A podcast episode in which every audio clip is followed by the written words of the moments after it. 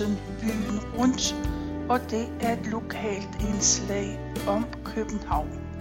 Mit navn er Tove Christensen, og jeg har været på Københavns Stadsarkivs hjemmeside, og der har jeg fundet en erindring, som Ebbe Bredstof har skrevet. Hun er født i 1905, og hun boede på Nørrebrogade i nummer 52, og senere flyttede de over vejen til 53. De flyttede ind i en fin gammel villa med kælder, stueetage, første og anden sal samt loftetage. Hun boede sammen med sin syv år yngre lillebror, sin mor og sin far, der var umager og optiker og havde en forretning i den høje stue i samme ejendom. Det her, det er tredje del, og Ebbe Bredstof fortsætter med at fortælle om sin barndom, og hun er kommet til togene. Hun skriver, i min tidlige barndom lå der en kystbanestation lige der, hvor Palastteatret nu ligger. Der var også to, to etager, og trappen den var udvendig. Billetteringen foregik ved at en konduktør kravlede uden på toget, slog med sin billettang på ruden. Den måtte slås ned, og der hang han så og skulle klippe billetter. På anden etage foregik det dog indenfor. Jeg husker tydeligt en dag, hvor jeg var vel to-tre år. Far og mor var nok meget stolte over den lille datter. Da vi kørte forbi nogle heste, spurgte min far mig. Se, hvad er det så?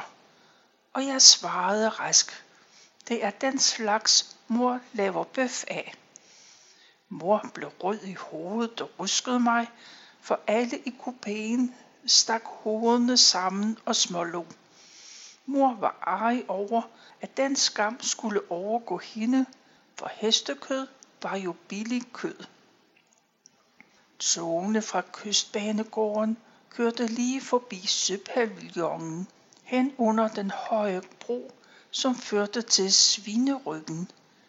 Det var vejen langs søerne til Gammel Kongevej. At få lov til at smutte op på den bro på en spaceretur og så få den varme damp eller røg op under kjolen, jo, det var sjovt. Turen fra Nørrebrogade ved Dronning Louises bro langs doseringen var en herlig tur. Der lå små smukke haver uden for hvert hus, og der skruede syrener. De var altid blomstrende på grundlovsdag, så turen gik der. Brød til svaner og ender, og det endte altid på søpavillonen. Der fik man kaffe udenfor, helt nede ved søen. Havde fint besøg fra Sverige, det vil sige min onkel Hans, så blev der spist frokost indenfor, men vi børn fik lov til at løbe udenfor. Ved jernbanen kom man også til Hareskoven og Bagsvær. Men det var jo så først med sporvogn ud til Slangerupbanen, som lå ved linje 7's endestation. Det gjaldt hver søndag om at komme tidligt hjemmefra, for vi boede ved butikken, og ofte blev der søndag formiddag ringet på til privatlejligheden, når en kundes briller var gået i tu lørdag aften eller nat. Og så regnede man bestemt med, at brillemanden var parat med hjælp. Far havde nogle ordninger med forskellige restauratører. I Hareskoven var det på den smukke nye Hareskovs pavillon. Chefen havde mange ansatte. Han havde også en kro et sted i København, og han brugte meget at give uger, barometre, termometre eller andet fra fars forretning som gaver. Til gengæld så spiste vi hos ham. Det samme var tilfældet på en god restaurant, Ny Rosenborg, og også på Diva 2 i Tivoli. Og det var helt efter fars plan, for mor skulle ikke lave mad om søndagen, så vi drog ud. En gang om året, så blev det hele gjort op. Fra Harskoven gik vi til Bagsvær. Der skete altid noget spændende på søen, og fra Ny Rosenborg passede det jo fint med Tivoli bagefter. Vi børn tænkte aldrig på, at far både i tog og sporvogn løftede sig op i armene. Han kunne ikke hæve sig på det ben, hvor han manglede foden. Aldrig klagede han. Dog kunne vi engang imellem se, at han sad på sengekanten og smurte en salve på en lille stump vaskeskin for at dække de hudløse steder, der var kommet på stumpen af benet. Denne stump pressede han ned i en krans af læder, som dannede en slags hylster, der endte i en fod, det vil sige en læst, som han havde delt i tre dele og sat spiraler imellem. Det hele blev båret af en stærk sele oven på den ene skulder. Han var svært stolt af sin unge, smukke kone og de to børn. Nu må det næsten med, at jeg kun har set min far syg én gang. Han havde ofte en halv hof fra frokost gemt i køleskabet. Den fik han så en gang i løbet af dagen. Men en dag var der blevet byttet om på den halve øl og en flaske med terpentin. Far tog flasken og drak, og vi hørte et brøl inde i stuen. Da vi kom derud, stod han med begge hænder klamrende sig til køkkenvasken. Han måtte i seng, og han brækkede sig i det uendelige. Men min fars ben måtte nok forklares lidt nærmere. Som stor dreng havde han smerter i sin hofte. På det dengang ret nye kommunehospital blev han opereret af en professor, der mente, at det var tuberkulose. Man snittede så meget som en gulerod ud af hoften under det helt nye kloroformbedøvelse. Men det varede noget, inden det virkede på ham, så drengen skreg, Åh Gud, hjælp mig arme djævel. Hvorpå professoren sagde, hold mund, tror du Gud hjælper en djævel? Så fik han en tung støvle med tyk sål på det opererede ben, og så et par krykker. Se nu kunne han løbe om kap ud i ulvedalene. Han kastede sig fremad med krykkerne og kunne komme først. Da han var 19 år, stod han i en port, og der blev hans græske fod kørt over af en vogn. Et stort åbent sår blev behandlet med læsket kalk, brun sæbe og spindelvæv. Og så måtte hele foden amputeres. Men nu kom der balance i tingene, for nu kunne det kunstige ben bare gøres så meget kortere, så den tunge støvle behøves ikke mere. Han var allerede kommet i urmagerlæger hos Rang, der lå på hjørnet af Strøget og Købmagergade. Jeg tror, han var der, til han i 1888 blev svend i forretningen i nummer 52 på Nørrebrogade. Den, som han senere købte. I familien var der meget overtro. I hans hjem faldt et billede ned fra sit søm på væggen, så sagde hans mor, så nu døde kongen. Det var et billede af kongen, og det viste sig, at kongen faktisk var død på det tidspunkt. Meget kom også fra min mormor fra Sverige. Knive måtte aldrig ligge over kors, så blev der spektakler i huset. Spildt salt gav tårer. Lidt skulle kastes over venstre skulder. Man måtte helst aldrig gå tilbage efter noget glemt. Ikke tage Gud dagen i nakken, så blev hele dagen dårlig. Der må lige lidt med om fars hjem. De boede i Ringstedgade, ikke så langt fra Rosenvænget og heller ikke langt fra Garnisons Kirkegård, hvor min farfar var graver. Min farmor Oline havde en lille grønthandel. Der fandtes en lille hest og vogn bag forretningen. Det var så døtrene, der skiftes til køre på torvet om morgenen meget tidligt, inden de gik på arbejde. Jeg husker det egentlig kun omtalt ganske svagt, men så i 1929 dukkede det op igen. Jeg besøgte den gamle oberstene Lund i Rosenvængens sidelæ. Der kom jeg sammen med hendes første oldebarn, Paul Bredstof. Ham, som jeg senere blev gift med. Hun skulle jo lige have besked om, hvor jeg kom fra, og jeg fandt tilbage til den lille grønthandel i Ringstadgade. Så lød det begejstret. Åh, det må have været den brave Madame Nielsen med alle de friske grøntsager. Og en helt forunderlig ring var sluttet. I fars hjem hørte man tydeligt, hvad der blev sagt hos naboen. For eksempel, når moren kaldte meget tidligt på sin dreng. August, stig nu op, hovser og bovser er varme. Tag dig en kage og gakser. Hun var halvsvensk. Moren havde om natten bagt boller. De lå nu en stor kur med hvid du over.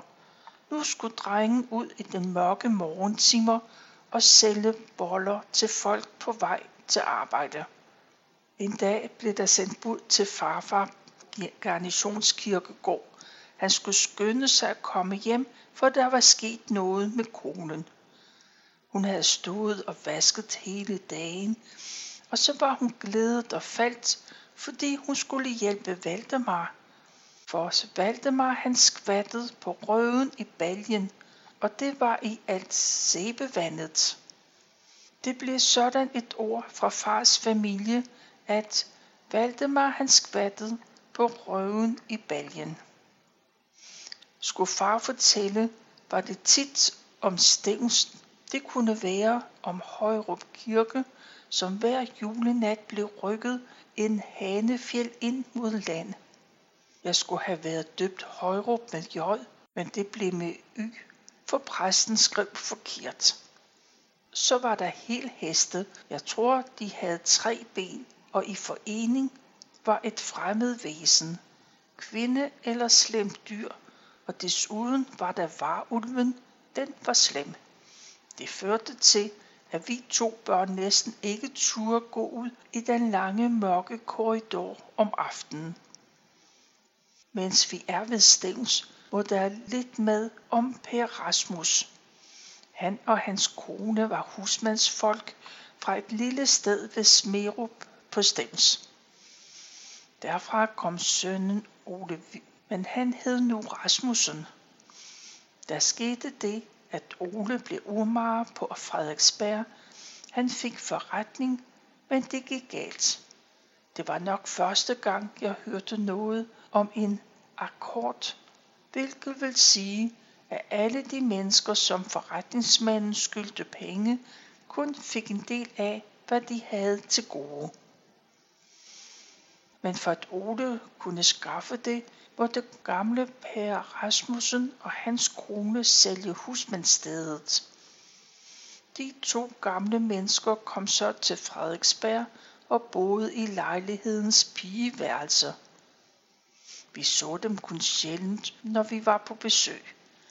Men Per Rasmus og jeg var venner, for vi var begge bydrenge. Jeg mener bestemt, at han var med i krigen i 1864, hvor han har været cirka 20 år. Han må have været 70, da han blev bydreng. Han havde et frygteligt spændende træben, jeg tror fra hoften. Han nærmest slog det frem, og så kom det andet ben og kæppen.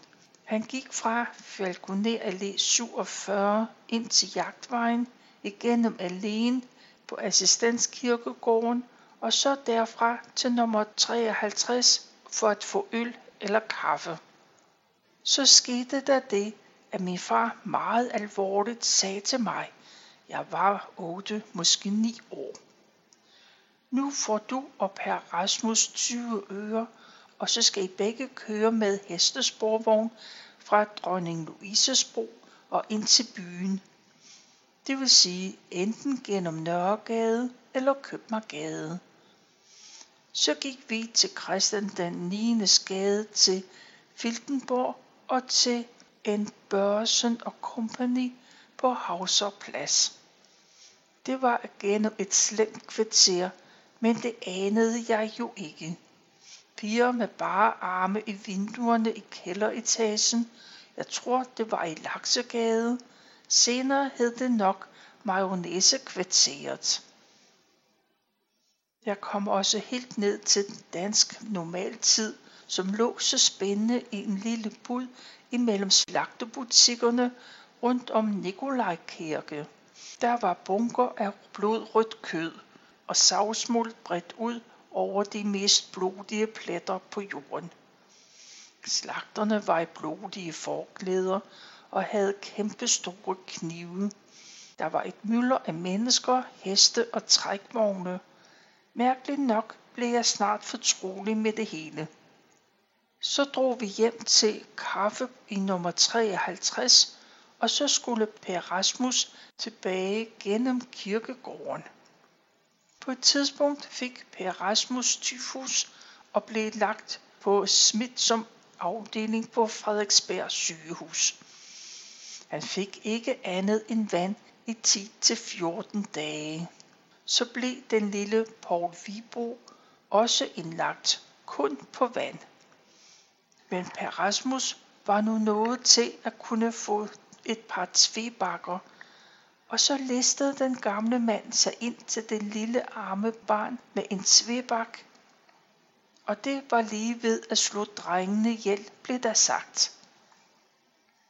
Per Rasmus, han havde et herligt sprog. Fik vi røget ål, så sagde han, drøs nu peber på, ellers bliver du så bøvet. Det fandt jeg igen i Magleby i 1945. Vi skulle have åbent hus i præstegården, hvor vi boede. En ældre sofa havde været til banken i haven og skulle nu sættes sammen. Det knep, og min mand Harald sagde, det går nu nok, bare der ikke kommer for mange bøde med dammer og sætter sig i den. Senere ved et sommermøde sad jeg og spillede Jeg elsker de grønne lunde, og indtræder tre bøvede madammer, og sofaen brød sammen. En gang til bøvlet. Vi kroner tikkede i 1945 sovnekvoden om at måtte komme med i hans generatorbil til Store Hedinge. Han var flink nok, men borgmesteren i Store Hedinge blev ærgerlig og sagde, ja, det kan gå, at de tager dem med, men det var vel ikke nødvendigt at læse de bøvede med dammer af lige uden for politistationen. Vi var vel endnu lidt på stævns. Far fortalte ofte om, at hans bedstefar havde kravlet ned af de mange diger til Klinten for at skære eller save kridtsten ud. Hele muren om Maglebys kirkegård var bygget af sten fra Klinten. Man havde en bør på ryggen, altså en kur med høje stiver og blanks ryggen, og så remme om begge arme. Han havde fået pakket sin bør og var på vej op ved sidste stige. Nu var det sådan, at når man var kommet op, blev stenene sorteret, og de ringeste blev igen helt ud over kanten af glinten, imens man råbte, varsko. Men den gamle bedstefar var død. Han hørte ikke råbet og fik en bunke sten i hovedet, styrtede helt ned og døde. Da Harald og jeg kom til Magleby i 1940, fik vi lov til at se den gamle kirkebo, og der stod ved hans død, at han var slået ihjel på den måde. Jeg tror, hans gravsten stadig findes. Fra jeg var helt lille, husker jeg blandt andet ture i Østre Anlæg. Herefter en tur langs en rebslagerbane, der lå ved Østervold, nok omtrent hvor S-toget nu er gravet ned lige inden Østerport Banegård. En mand drejede et kæmpe hjul. Rundt om lå store bunker, som må have været hamp. En anden mand gik baglæns fra hjulet og tog imod det, der blev til ræbe. Det faldt så ned ved hans side i runde slyngninger. Lige derfra kom vi til Nyboder, hvor far kendte en gammel sømand, og hans kone gav gerne kaffe. Det var meget spændende med en ganske lille have og kager fra en dåse. Den havde nogle flotte billeder af sejlskibe. Jeg måtte gerne låne dåsen, hvis jeg var stille. Den skulle blive stående på bordet, men jeg måtte dreje den. Der var forskellige sejlskibe, så jeg drejede og drejede. En anden spændende sted var et elgammelt hus på Christianshavn. Der var en svalegang, hvor jeg kunne se på hestene nede i gården. Manden kørte nemlig hestesporvogn. Der var ganske lavt til loftet i stuen, og så var der jo skibene i kanalerne.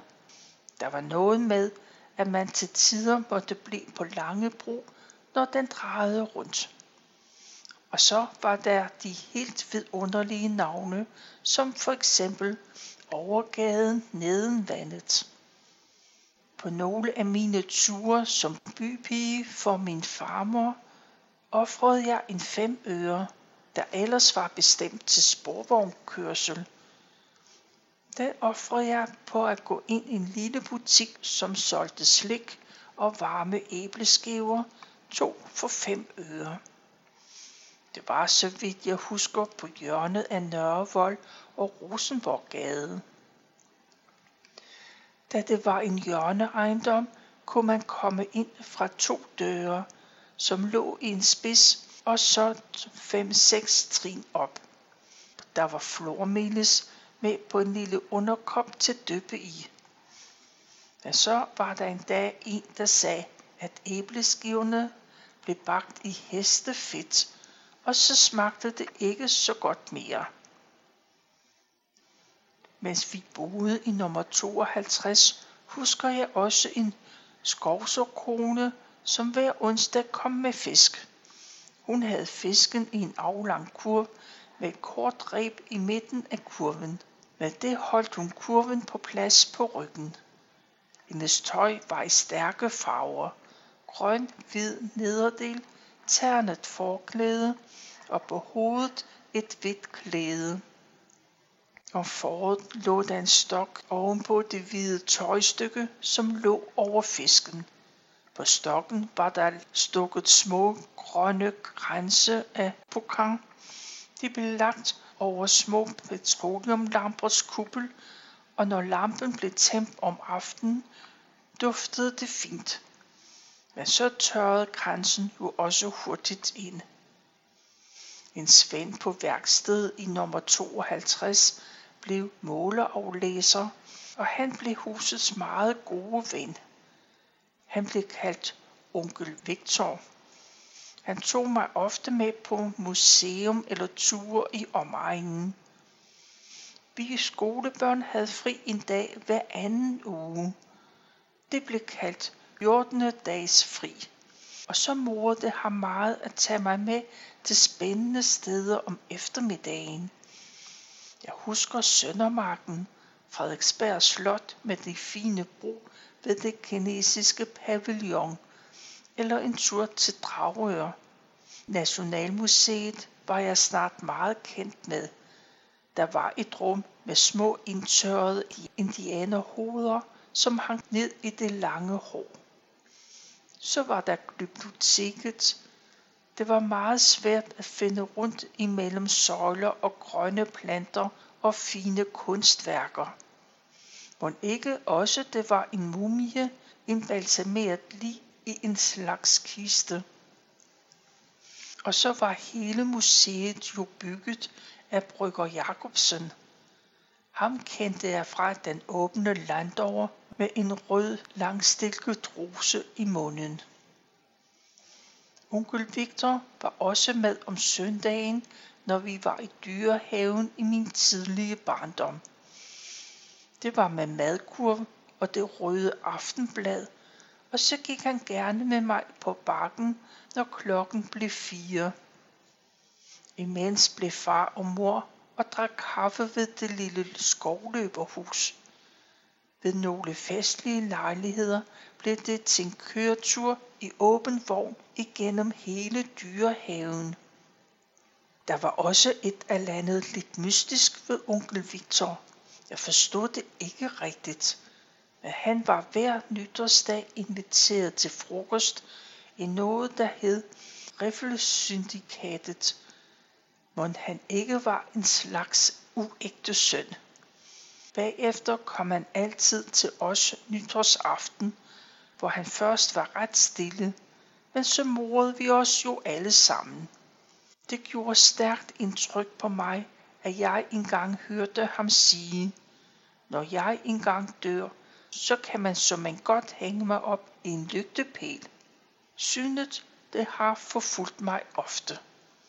Han boede i Stengade i Bagerstiftelsen, hvor han havde to små etværelses lejligheder. I den ene en fin smuk stue, i det andet værksted med alle mulige spændende opfindelser og bunker af værktøj og råd. Min farmor, Oline Nielsen, døde 1902, og lige inden havde min far lovet hende, at han ikke ville gifte sig, før alle hans seks søstre var blevet gift. Da han var 43 og havde købt forretning på Nørrebrogade 52, bestemte han sig for, at han enten ville lære at køre på cykel eller finde en kone.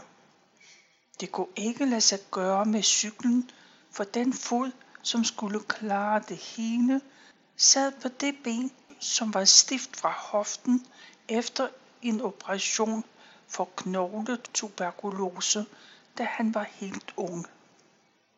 Så fandt han i sin søster Engelines hjem den 18-årige Laurence Simonda Alexandra Holmqvist.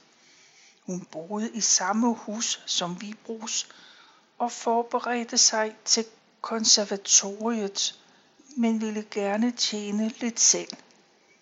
Det blev så bestemt, at hun skulle hjælpe til i den store ur- og guldmagerforretning og samtidig spille til Engelines sange.